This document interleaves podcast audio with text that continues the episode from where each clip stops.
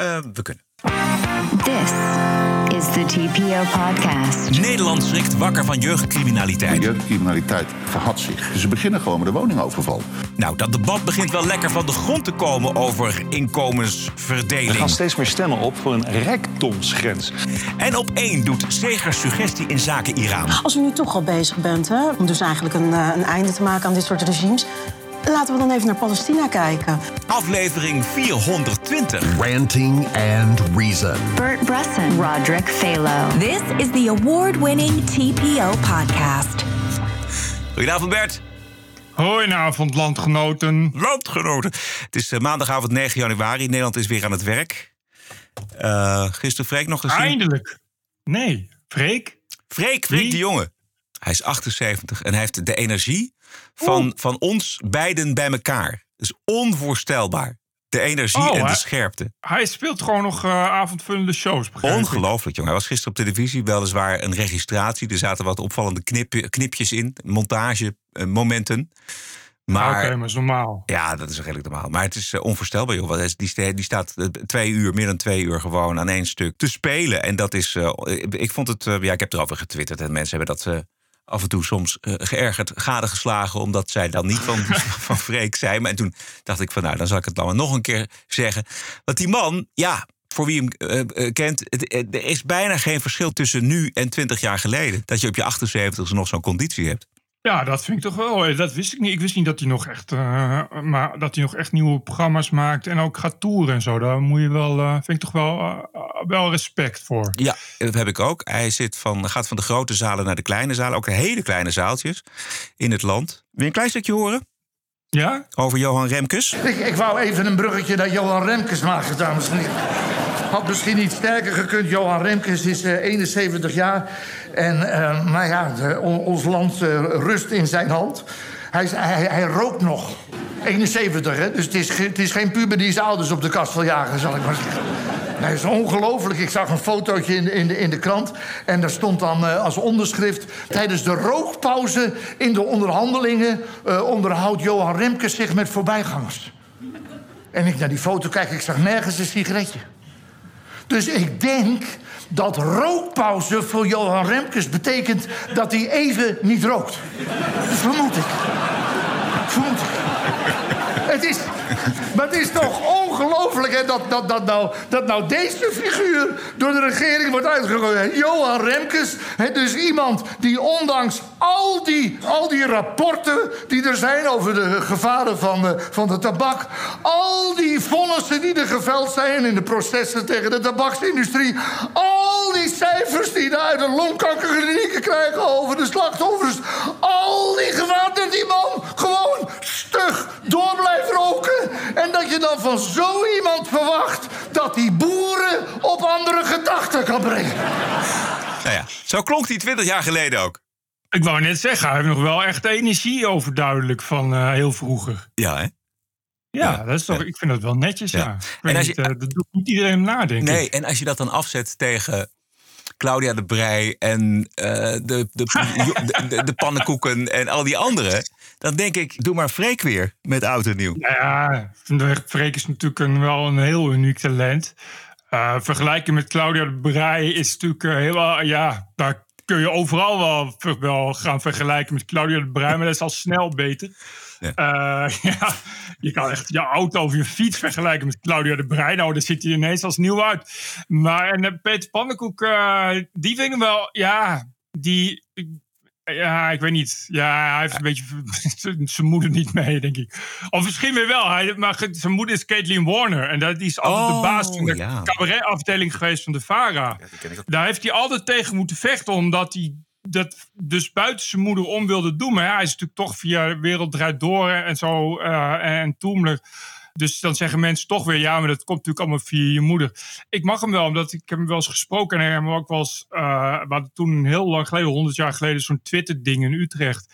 En daar trad hij ook op, toen was hij nog een beginner. En hij maakt hele goede, hij is een van de, van de weinigen nog van de generatie die uh, ook echt harde rants uh, doet ik weet niet, ik heb die, die oudejaarsconferentie niet gezien, maar probleem is natuurlijk een beetje dat je als je een oudejaarsconferentie gaat maken in dit tijdsgevricht, dat het toch een beetje snel wat linksig en zijig wordt, omdat je die maatschappijkritiek erin moet verwerken. Ja, ja precies. Maar Nou, het, bedoel, het blijft ook een kwestie van smaak, dat weet ik ook wel. Maar eh, ik vond het verbazingwekkend hoeveel energie deze man nog heeft om op deze hoge leeftijd zo te knallen twee uur achter elkaar. je kan van Freek de Jonge van alles vinden, maar zijn talent is natuurlijk uniek. Ja. Eh, nou ja, kijk, het punt is natuurlijk dat iedereen kan natuurlijk een oudejaarsconferentie in elkaar flansen, maar die- je moet daar wel de, ja, de flair voor hebben en, en, en eh, het theater wat erbij hoort van maken. En dat is Ja. natuurlijk iets wat Freek de Jonge is natuurlijk wel echt een wandelende nar. Ja. Eh, een wandelende clown. Ja. Ja. en dat is natuurlijk een talent wat niet iedereen heeft. En als je dat op je 78 nog kan, vind ik dat wel, vind ik dat wel knap. Alhoewel je ook kunt afvragen of mensen dan niet moeten ophouden. Maar Ja. kennelijk is het nog goed genoeg. Hij is nog te vinden op eh, NPO Start. Het nieuws was eigenlijk dat er eindelijk alarm geslagen wordt over de snelle verharding van de jeugdcriminaliteit. Het ging erover met de Amsterdamse burgemeester Halsema in Buitenhof. Dat horen we zo meteen. En bij Rick, bij Rick Nieman eh, zat zondag korpschef van de nationale politie Henk van Essen. De jeugdcriminaliteit op zich neemt niet toe, maar die verhad zich.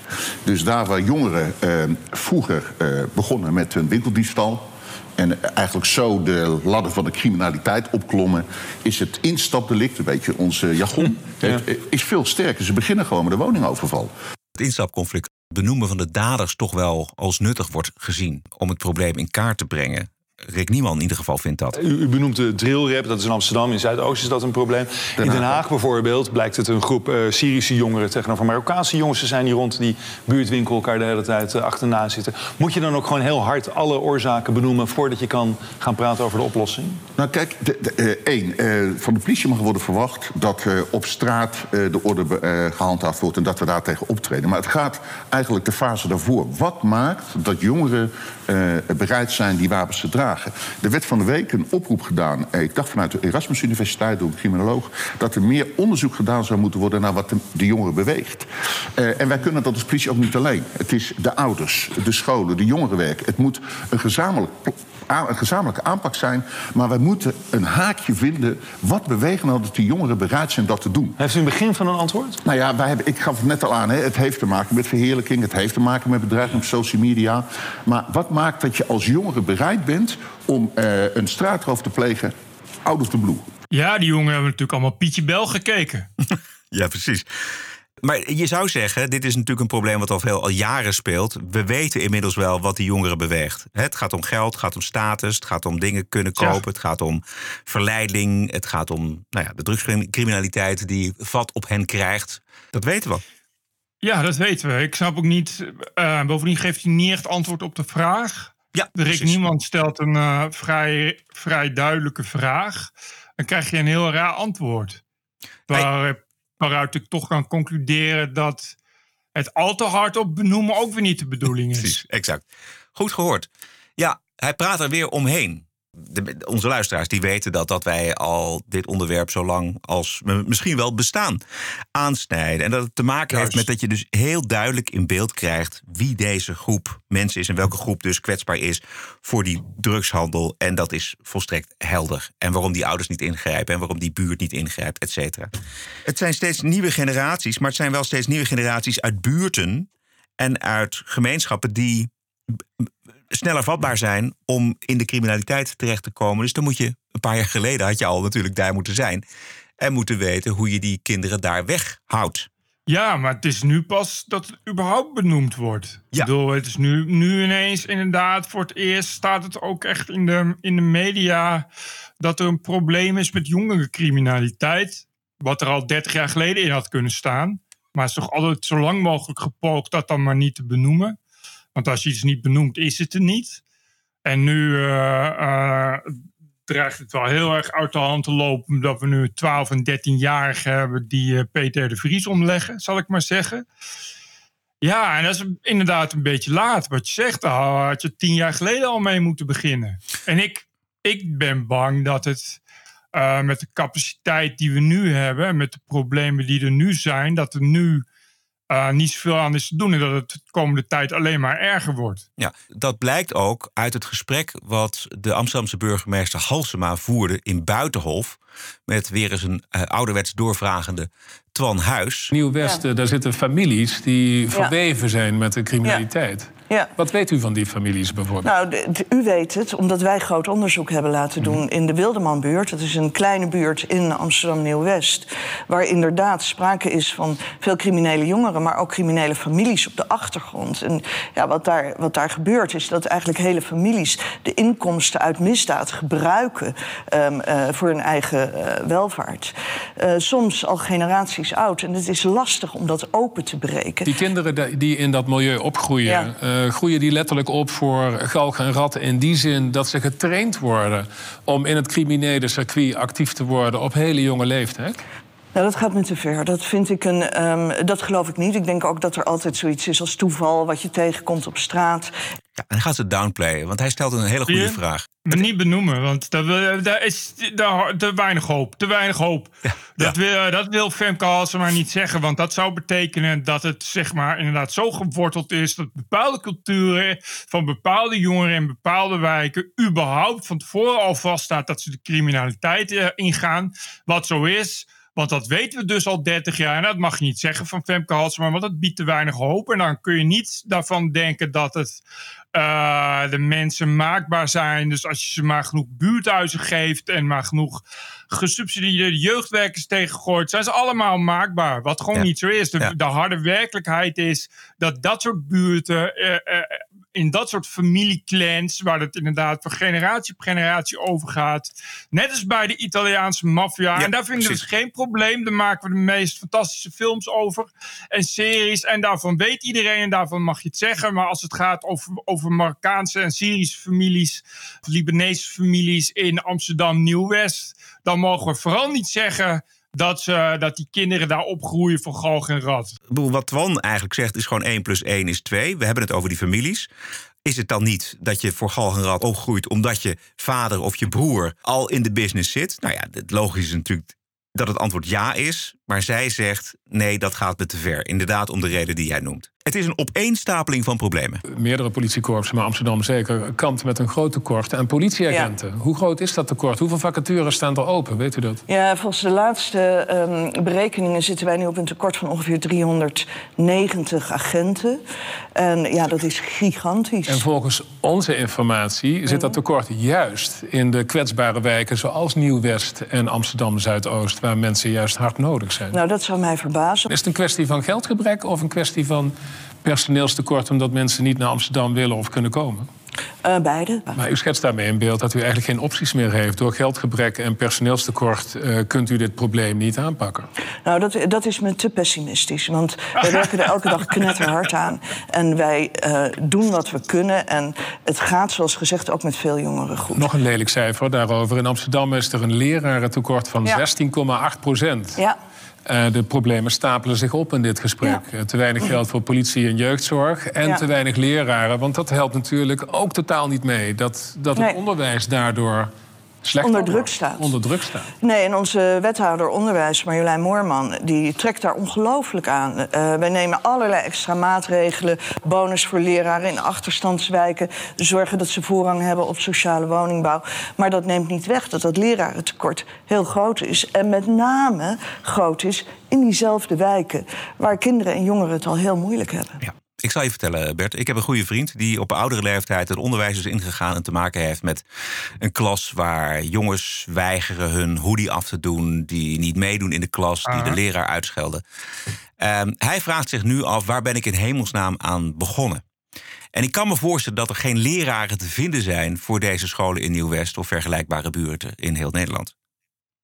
Nee, bovendien, uh, het salaris is zo laag dat er is geen enkele incentieve om leraar te worden. Nou, los van het salaris. Het, het gaat om dat je, je, dat je met plezier naar je werk gaat, niet met angst naar je Precies. werk. En als, en als je voor een klas staat en je moet 50 minuten of een uur door met een groep die er werkelijk geen fuck zin in heeft. En die alleen maar loopt te kloten en te klieren en te schelden en, en niet meedoet. En dat je 99% van de tijd bezig bent met orde houden in plaats van lesgeven. Dan heb je toch geen zin om daar les te geven.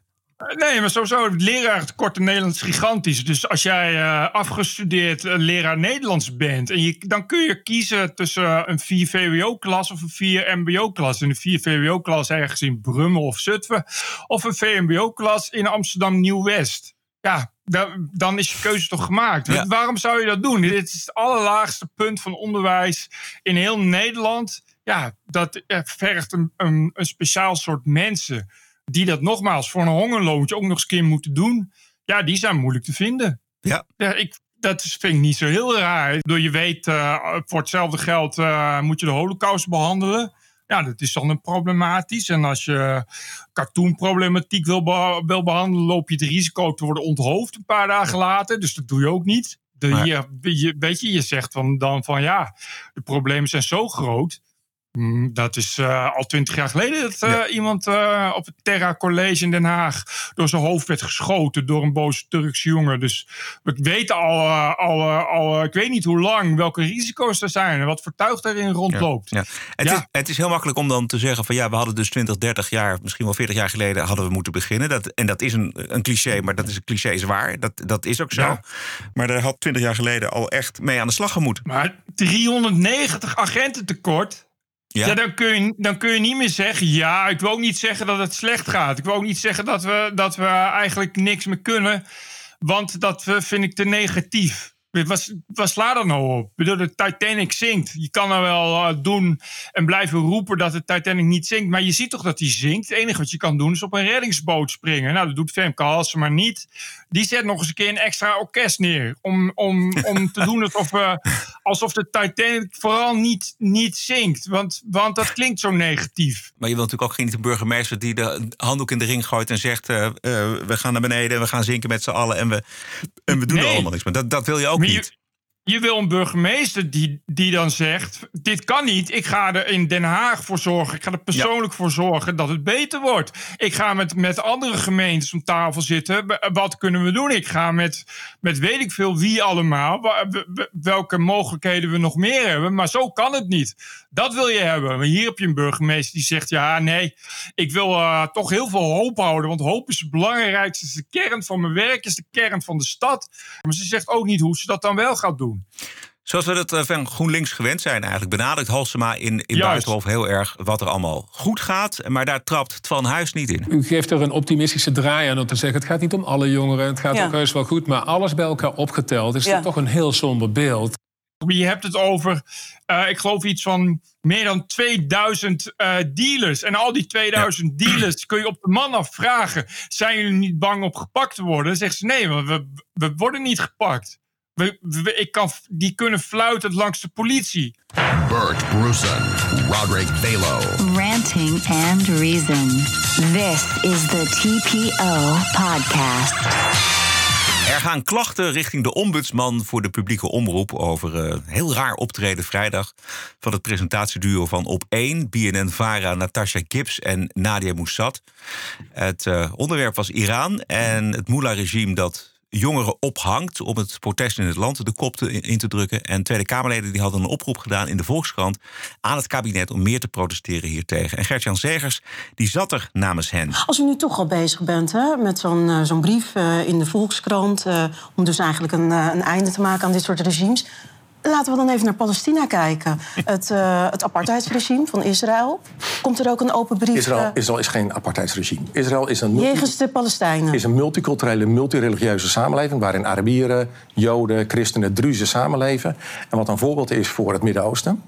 Er is een probleem op de Westbank. En dat is een territoriaal probleem.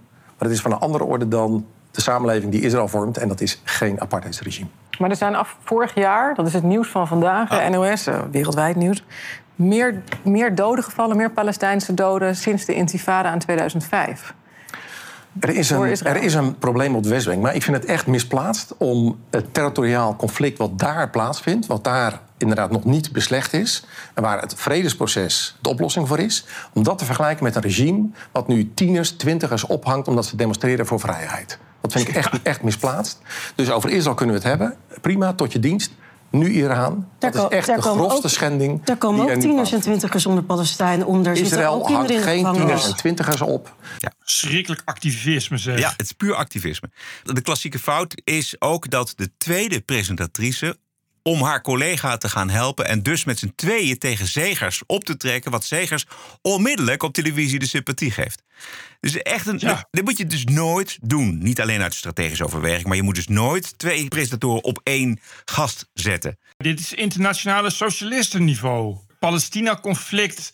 Uh, ja, weet je, dat is, dat is wat ze altijd doen. Dan zeggen ze van ja, het, uh, jullie zijn uh, allemaal wel activistisch. En, maar Palestina dan? Je kunt best van mening verschillen over of Israël een apartheidstaat is. Ik, ik ben er een keer geweest. De Arabieren en Palestijnen die staan echt op een andere treden in Israël. En dat, en daar, dus daar kun je over praten. Maar je kunt niet een regime in Iran waar dat gewoon jongeren oppakt die protesteren voor meer vrijheid. En die, en die jongeren eerst martelt in een gevangenis en vervolgens ophangt omdat ze die opstand eh, de kop in willen drukken, vergelijken met Israël. Dat kan niet. Het slaat helemaal nergens. Het is een andere praktijk daar.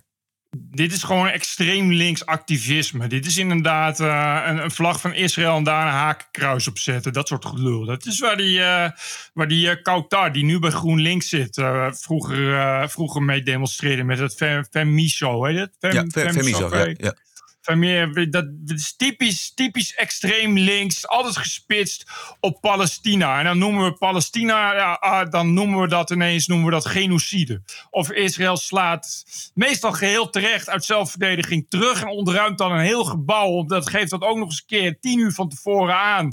En dan uh, zeggen ze, ja nee, Israël is bezig met genocide op de, op de Gazastrook. Flikker toch op man.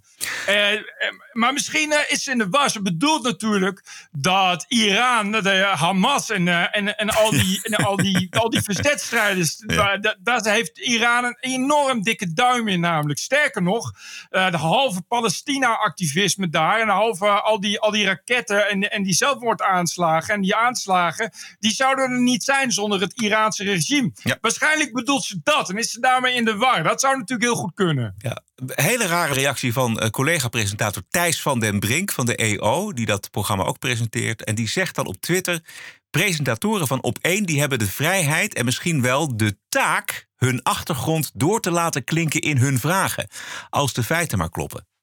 Dit belooft veel goeds. Dit belooft veel goed. De volgende keer als Thijs van de Brink iets presenteert, gaan we het over Jezus hebben. dat zal even, even lekker inhakken. Dus elke keer als hij dan een vraag stelt, dan zegt hij toch van ja, maar ja, hoe zit het dan in het leven na de dood? En dan zeg je. Uh, Ja, ik weet niet, maar volgens mij is er niemand die dood wil. Nou, haha, ik heb daar een heel ander idee bij. Wat is dat dan voor een achterlijke opmerking? Hoe we de achtergrond moeten meetellen. Ja, als je daar aan begint, ja, dan, kunnen we wel, dan kunnen we wel, elke keer kunnen we, kunnen we elke keer als iemand iets zegt over, over een geopolitiek probleem of, of uh, oorlog in Oekraïne, zeggen: hé, hey, en de bezetting van de westelijke Sahara dan? Ja. Of stel je voor dat je, dus, dat je daar op een gegeven moment een presentator hebt zitten... die van Russische kom af is. Moet hij dan opeens eh, de kant van Rusland gaan kiezen... of zeggen van het perspectief van Poetin is, dit en met dat? Nee, het is een hele slechte suggestie van Thijs van der Brink. Dit is gewoon roepen om diversiteitsjournalistiek puur zand. De journalisten moeten juist zonder enige vooringenomenheid of achtergrond op zoek gaan naar de waarheid en that's it. Kijk, dat programma dat, dat op één uh, uh, wordt gemaakt telkens met, met een achtergrond van, van de betreffende omroep. Al kun je je vraag bij stellen of je daar überhaupt nog, nou, nog iets mee hebt tegenwoordig. Jezus, weet je? Ja. Maar niet zeggen van, oh, ja, maar jij maakt je nu druk over Iran, waar dus inderdaad uh, Ayatollahs 20-jarig ophangen. Meestal op basis van een soort van theaterrechtspraak achter gesloten deuren. Opgehangen is nog mild. Dat wordt gewoon iemand aan een hijskraan opgetakeld. Die breekt dus ook niet zijn nek. Zoals normaal bij, bij verhanging gebeurt. Dat er een luikje onder je voeten open gaat. Nee, je wordt opgetakeld en dan stik je dus langzaam. Terwijl je heel langzaam je hoofd van binnen van je romp wordt gescheiden. Maar net niet helemaal. Weet je, dus het is echt... Echt zelfs in de middeleeuwen vonden ze dat al barbaars. Uh, en dan ga je toch niet zeggen, ja, ja, ja maar en, en Palestina dan? En het is, was echt duidelijk afgesproken. Want je, je, je ziet dat die, helemaal voor je in zo'n redactie, die twee meiden die dan zeggen van ja, maar ja, dan hebben we het daarover.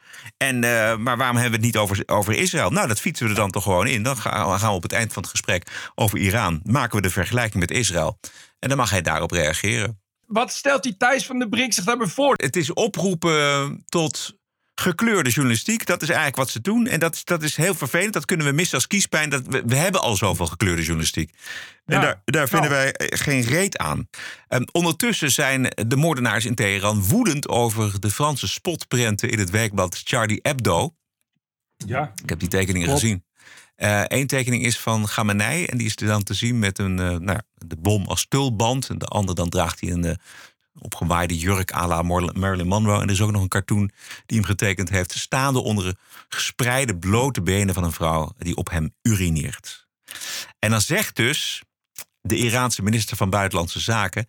het zijn beledigende en ongepaste spotprenten... tegen onze religieuze leider. Dit kan ja. niet, zonder een hard antwoord. Ze hebben ook al uh, een Frans Archeologisch Instituut gesloten... Oh. Uh, zondag hebben ze uh, vlaggen staan verbranden voor de Franse ambassade oh, in Teheran. Franse vlaggen. De politieagenten die hielden allemaal een, uh, een bord met erop een afbeelding van, van de Ayatollah. Om te laten zien dat politie, dus de, de rechterlijke macht of de uitvoerende macht, enorm fan nog steeds is van de Ayatollahs. Omdat het regime nu toch gebukt gaat onder de protesten.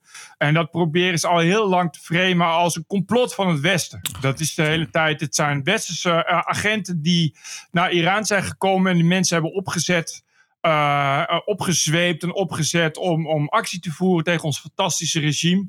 En die uh, cartoons zien ze nu ook als ze dat hoort bij het complot van het Westen. De Franse minister van Buitenlandse Zaken heeft gezegd van ja, luister, een blasfemiewet kennen we hier niet. Dus wat is je probleem? Je moet niet zo zeiken, want we hebben hier een persvrijheid. Ten eerste en ten tweede zijn er precies uh, op de dag af, uh, een aantal jaar geleden, twaalf redacteuren van datzelfde Charlie yes. Hebdo doodgeschoten door radicaal islamieten. Dus het is niet zo heel kies om daar nu over te gaan zeiken. Wat overigens ook de reden was oh, van dat blad om die uh, spotprentenwedstrijd te ja. organiseren. Ja, er was nog één andere tekening, uh, niet in uh, Charlie Hebdo. Dat vond ik ook wel een hele mooie. Die Gamenei dan in een zee van bloed ligt en uitstrekt naar een galg als reddingsboei. Heb je die gezien? Ja, ik heb er een hoop gezien. Er zat veel kwaliteit tussen. Er zat ook veel Nederlandse inzenders tussen. Viel okay. me op, overigens. In de TPO-podcast op vrijdag, de Wokweek. Ook in de wiskunde valt nog genoeg te decoloniseren. Het absurdisme. You're an adult, grow up, deal with it. De terreur.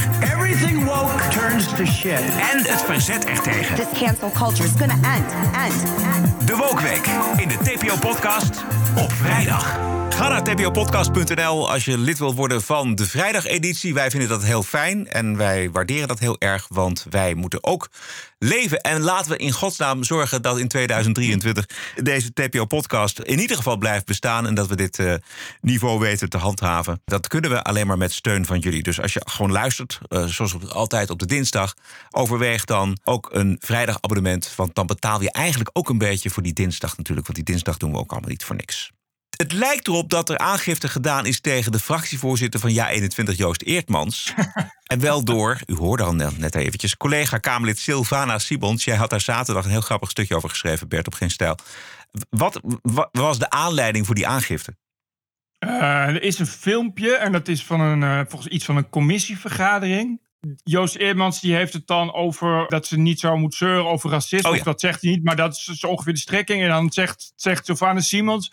Ja, wat nou als ik zeg dat alle blanken weg moeten? Joost Eermans reageert daarop alsof ze dat niet cynisch bedoelde, maar echt. Daar is een filmpje van en dat filmpje is online gekomen. En dat ging, ging, gaat dan viraal, want dat komt dan op al die, al die rechtse websites. En die zeggen, ah, Sylvana Simons wil alle, alle blanken wegdiscrimineren. En op de een of andere manier geeft Sylvana Simons daar nu Joost Eermans de schuld van. Terwijl hij heeft het filmpje niet opgenomen, uh, überhaupt. En, en ook niet verspreid? Het, ook niet verspreid, volgens mij. Ik weet het niet. Eigenlijk geeft ze nu Joost Eermans de schuld ervan dat Sylvana Simons haar cynisme niet wordt begrepen door iedereen en zijn moeder. Even luisteren. Het is mijn ervaring, onder andere in de politiek, dat veel van wat er misgaat, gaat mis onder leiding van witte mannen. En nou was mijn vraag, uh, hoe vreemd zou het zijn als ik uh, zou voorstellen, per motie wellicht, om alle witte mannen op basis van uh, de geleefde ervaringen hier in de Kamer, maar ook in het land, te vervangen door mensen waar we die ervaring niet mee hebben. Nou, nou komt het echte racisme boven tafel, denk ik, voorzitter. Nou, mevrouw, veel, veel plezier in uw eigen universum, mevrouw Simons. Oké, okay, dit is het dus. Ja, dit is het. Dit fragment staat dus op internet. En dan krijg je al, dat, al die domrechtse bloggertjes zeggen dus... ja, Sylvana Simons uh, wil, uh, wil alle blanke mannen verbieden. Hij is toch niet zijn fout? Nee, nee, nee, precies. Nee. Maar als je goed luistert, dan hoor je ook dat, het, dat zij het natuurlijk als een stel je voor dat. Hè, dus, ja. Zij is in haar betoog. Maar je, inderdaad, je hebt er genoeg uh, domme mensen die dat dan inderdaad uh, zo framen. Maar om dan vervolgens daar Joost Eertmans de schuld van te geven, dat begrijp ik niet zo goed. Nee, dat begrijp ik dus ook niet. En zij zegt van ja, jij, uh, jij was daar in dat debat, had je dat beter, context, bla bla bla. Ja, we, zij is natuurlijk gewoon in de wiek geschoten, omdat ze liet ook een tweet zien dat een of andere domrechts anoniem die zei: Ja, ik ga naar aanleiding van dit fragment aangifte doen tegen Sylvana Simons. En toen werd ze woest, kreeg ze een woedeaanval op Twitter. En toen toen wil ze dus iemand de schuld geven. Dus toen zei ze, ja, dat is allemaal de schuld van, uh, van ja 21 Joost Eerdmans. En Joost Eerdmans zei dus op Twitter terug, ja, je, hoezo, wat, moet ik bij elk filmpje gaan zeggen wat, wat de werkelijke bedoeling is of zo? Het is, ik heb, het is toch niet mijn, eh, mijn probleem? Nee. En toen zei ze, nu ga ik aangifte doen. We zien elkaar in de rechtszaal. Dus Ach. pak aan, Joost Eerdmans. Welkom in de wereld van internet, zou je bijna zeggen. Ja, dat, dat was dus ook mijn. Uh, en een of andere blogger, Christ Klomp, oh ja. die had daar dan ook weer een, een, een van de jankstuk over geschreven. Die kwam uh, in 2022 tot de conclusie dat er allemaal onware filmpjes op het internet staan en dat mensen daar onware beweringen over doen. Dus toen vonden mensen daar ook weer wat van. Zou dit vanuit woede weer geboren zijn of is het een, een ja, overdachte manier? Ja? En geen overdachte nee, manier om weer met aandacht uh, te genereren. Nee. nee, dat was duidelijk weer een uh, microfoon uit en boos weglopen. Oh, het debat over vermogensbegrenzing, dat is wel losgebarsten. Vrijdag uitgebreid in de TPO-podcast wegens uh, een verhaal in de Volkskrant... over zogenaamde uh, limitaristen die 2,2 miljoen euro genoeg vinden... en daarboven alles willen laten afromen door de overheid. We hebben het daar uitgebreid over gehad. Alle abonnees die kunnen dat terugluisteren uh, in de vrijdagaflevering. Vanmiddag ging het er op Radio 1 ook over en zondag ook bij Rick Niemann. Hoe rijk mag iemand zijn? Er gaan steeds meer stemmen op voor een rijkdomsgrens. Ja, dat is niet helemaal waar, steeds meer stemmen. We hebben het er gewoon zo, even op. Zo maak je wel media, zo ja, maak je wel nieuws inderdaad. Ja, ja, Maar dat is, een, dat is een journalistiek trucje, dat weet ik nog wel. Toen ik bij eh, Paul Witteman werkte, die zei ook altijd van... Nou, als je iets dan actueel wil maken, dan zeg je gewoon... Uh, je hoort steeds vaker dat... Dat anti-marktdenken in de Volkskrant... er werd zaterdag toch enigszins gecompenseerd... door een mooi stuk van Frank Kalshoven over linkse borrelpraat. Uh, de kop is: we zien geen marktfalen, we zien overheidsfalen. Juist. En dan noemt hij twee voorbeelden die ik mooi vind.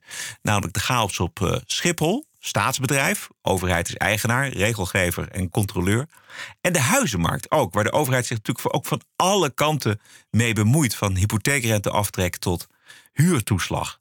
Dus dat is, weet je, het is zo de mode om, om af te geven op de markt. En er is best wel ja, je moet de markt ook in toom houden, daar ben ik ook voor.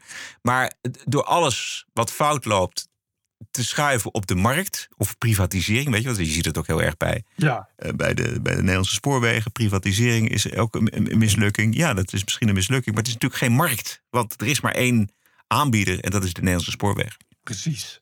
Het is een soort semi-privatisering. Ja. Dat is juist dat is nou precies het probleem. Ja. ja. Was het maar geprivatiseerd? Ja, ja, was het maar een markt. Eén quote. De woningmarkt is een misbaksel, zegt hij. Maar dat heeft weinig te maken met de markt en alles met overheidsregulering van de markt. Het is geen marktfalen dat we zien, maar het is overheidsfalen. Linkse borrelpraat helpt Nederland niet verder. Rechtse trouwens ook niet. Laten we dit jaar steeds een spade dieper steken in onze analyses. Dan komen we de oplossingen vanzelf tegen. En dat vond ik nou eens. Dat vind ik zulke lekkere, heerlijke, realistische, niet-ideologische teksten. In een volkskrant die vol staat met ideologische teksten. Ja, is dat Martin Sommer 2 of zo? Nee, Frank Kalshoven die zit bij de argumentenfabriek. Het woord zegt het al, die zijn echt helemaal Ja. uit op de goede ar- argumenten voor een aantal zaken. Die kunnen van alles beweren, maar het gaat om de argumenten. En dit doet hij dan echt goed. Hij zit regelmatig op dit hele realistische traject, waar ik heel erg van hou. Niet om de overheid een sneer te geven, maar om naar de werkelijkheid te kijken. Dat vind ik mooi. Precies. En dat doet hij volgens Nee, ja, mij nee, iedere dat- zaterdag. Dat is wel, eh, in dit geval eh, klopt het denk ik wel. Ja. Als we het toch over overheidsregulering hebben. Ik heb op eh, Netflix die documentaire over Bernie Madoff gekeken. Oh, ja, ik ben halverwege. Enorm grappig. Ik wist dat allemaal niet, want ik, ja, ik, ik ken weet natuurlijk wie Bernie Madoff is. En ik weet ook dat er heel veel mensen enorm gedupeerd werden. Maar ik begrijp nu pas dat hij juist door de regelgeving die volstrekt niet werkte komt. Dat er echt meerdere malen...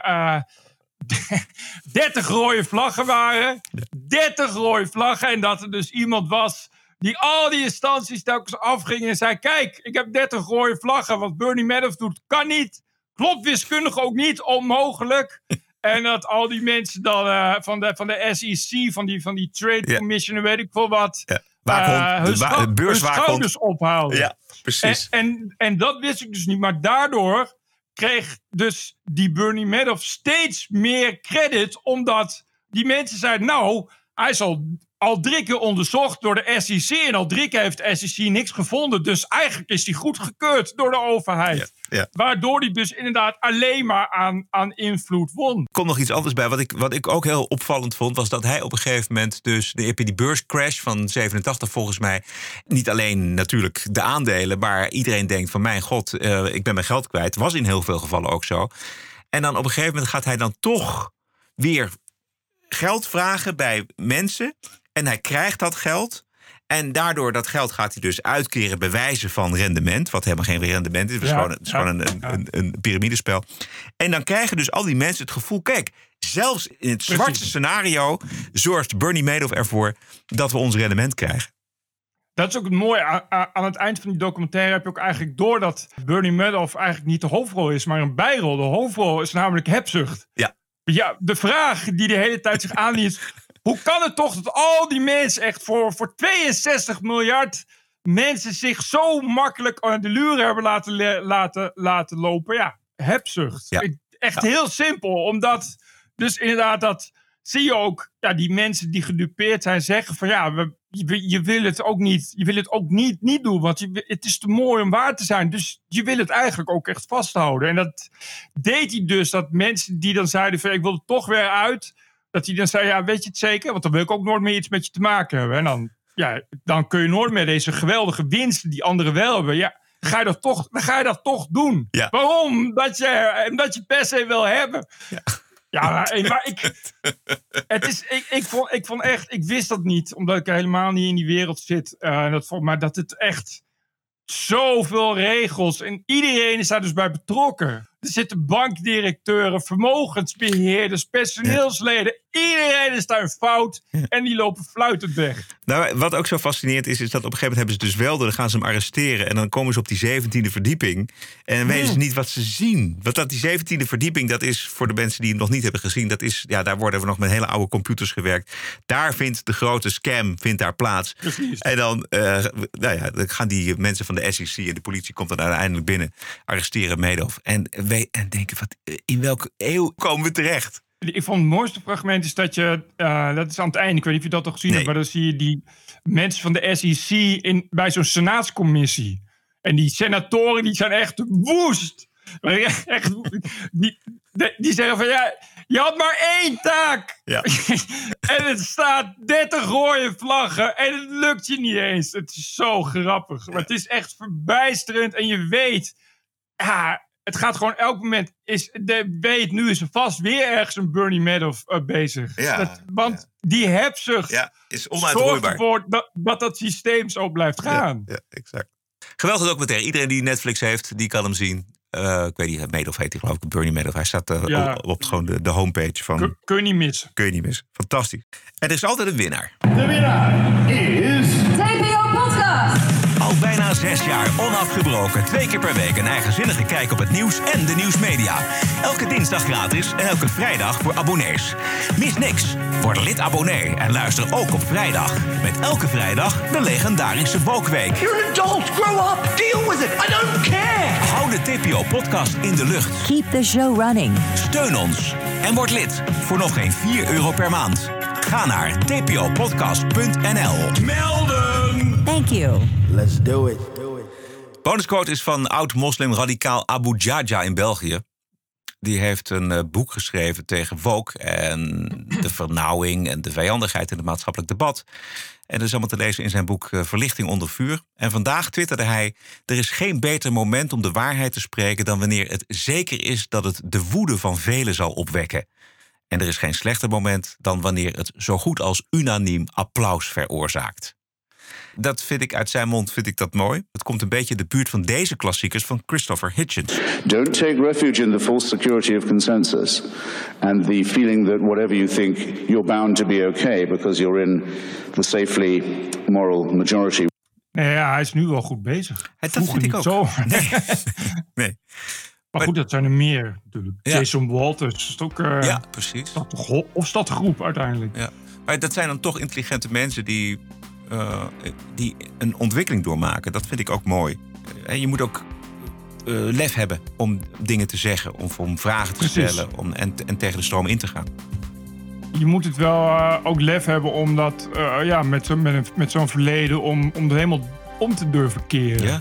Helemaal om te durven draaien. Want vrienden maak je er niet mee. Je hebt wel nieuwe vrienden, maar je maakt natuurlijk ook eh, oude vijanden. Dus, dus lang niet iedereen doet dat. Het zijn mensen die in elk geval eh, weten waar ze het over hebben, waar het vandaan komt. En dat geeft natuurlijk een extra belangrijke, belangrijke lading. Daardoor zijn het extra belangrijke stemmen. Ja, precies. Abu Jaja. Goed, elke dinsdag en elke vrijdag online via je favoriete kanalen. Vergeet je abonnement niet voor de vrijdagshow. Je steunt dan de TPO-podcast al voor minder dan 50 eurocent per aflevering. Echt waar. Dat is dan 4 euro per maand. En je krijgt daarvoor twee keer per week de podcast met in de vrijdagshow de One and Only Woke Week. Ons ondersteunen met een abonnement doe je door te gaan naar tpopodcast.nl. Kom je vanzelf op ons petje afpagina en daar wijst alles zich vanzelf. Heel veel dank, stay cool. En tot vrijdag. TPO Podcast. Bert Bruson, Roderick Balo, Ranting and Reason. Zouden dat dingen zijn die wij hier in Nederland ook over zouden kunnen nemen? Podcasting is the TPO podcast in the Netherlands. Bert and Roderick. What a show. I'm telling you. Keep the show running. Go to tpo.nl slash podcast. Thank you.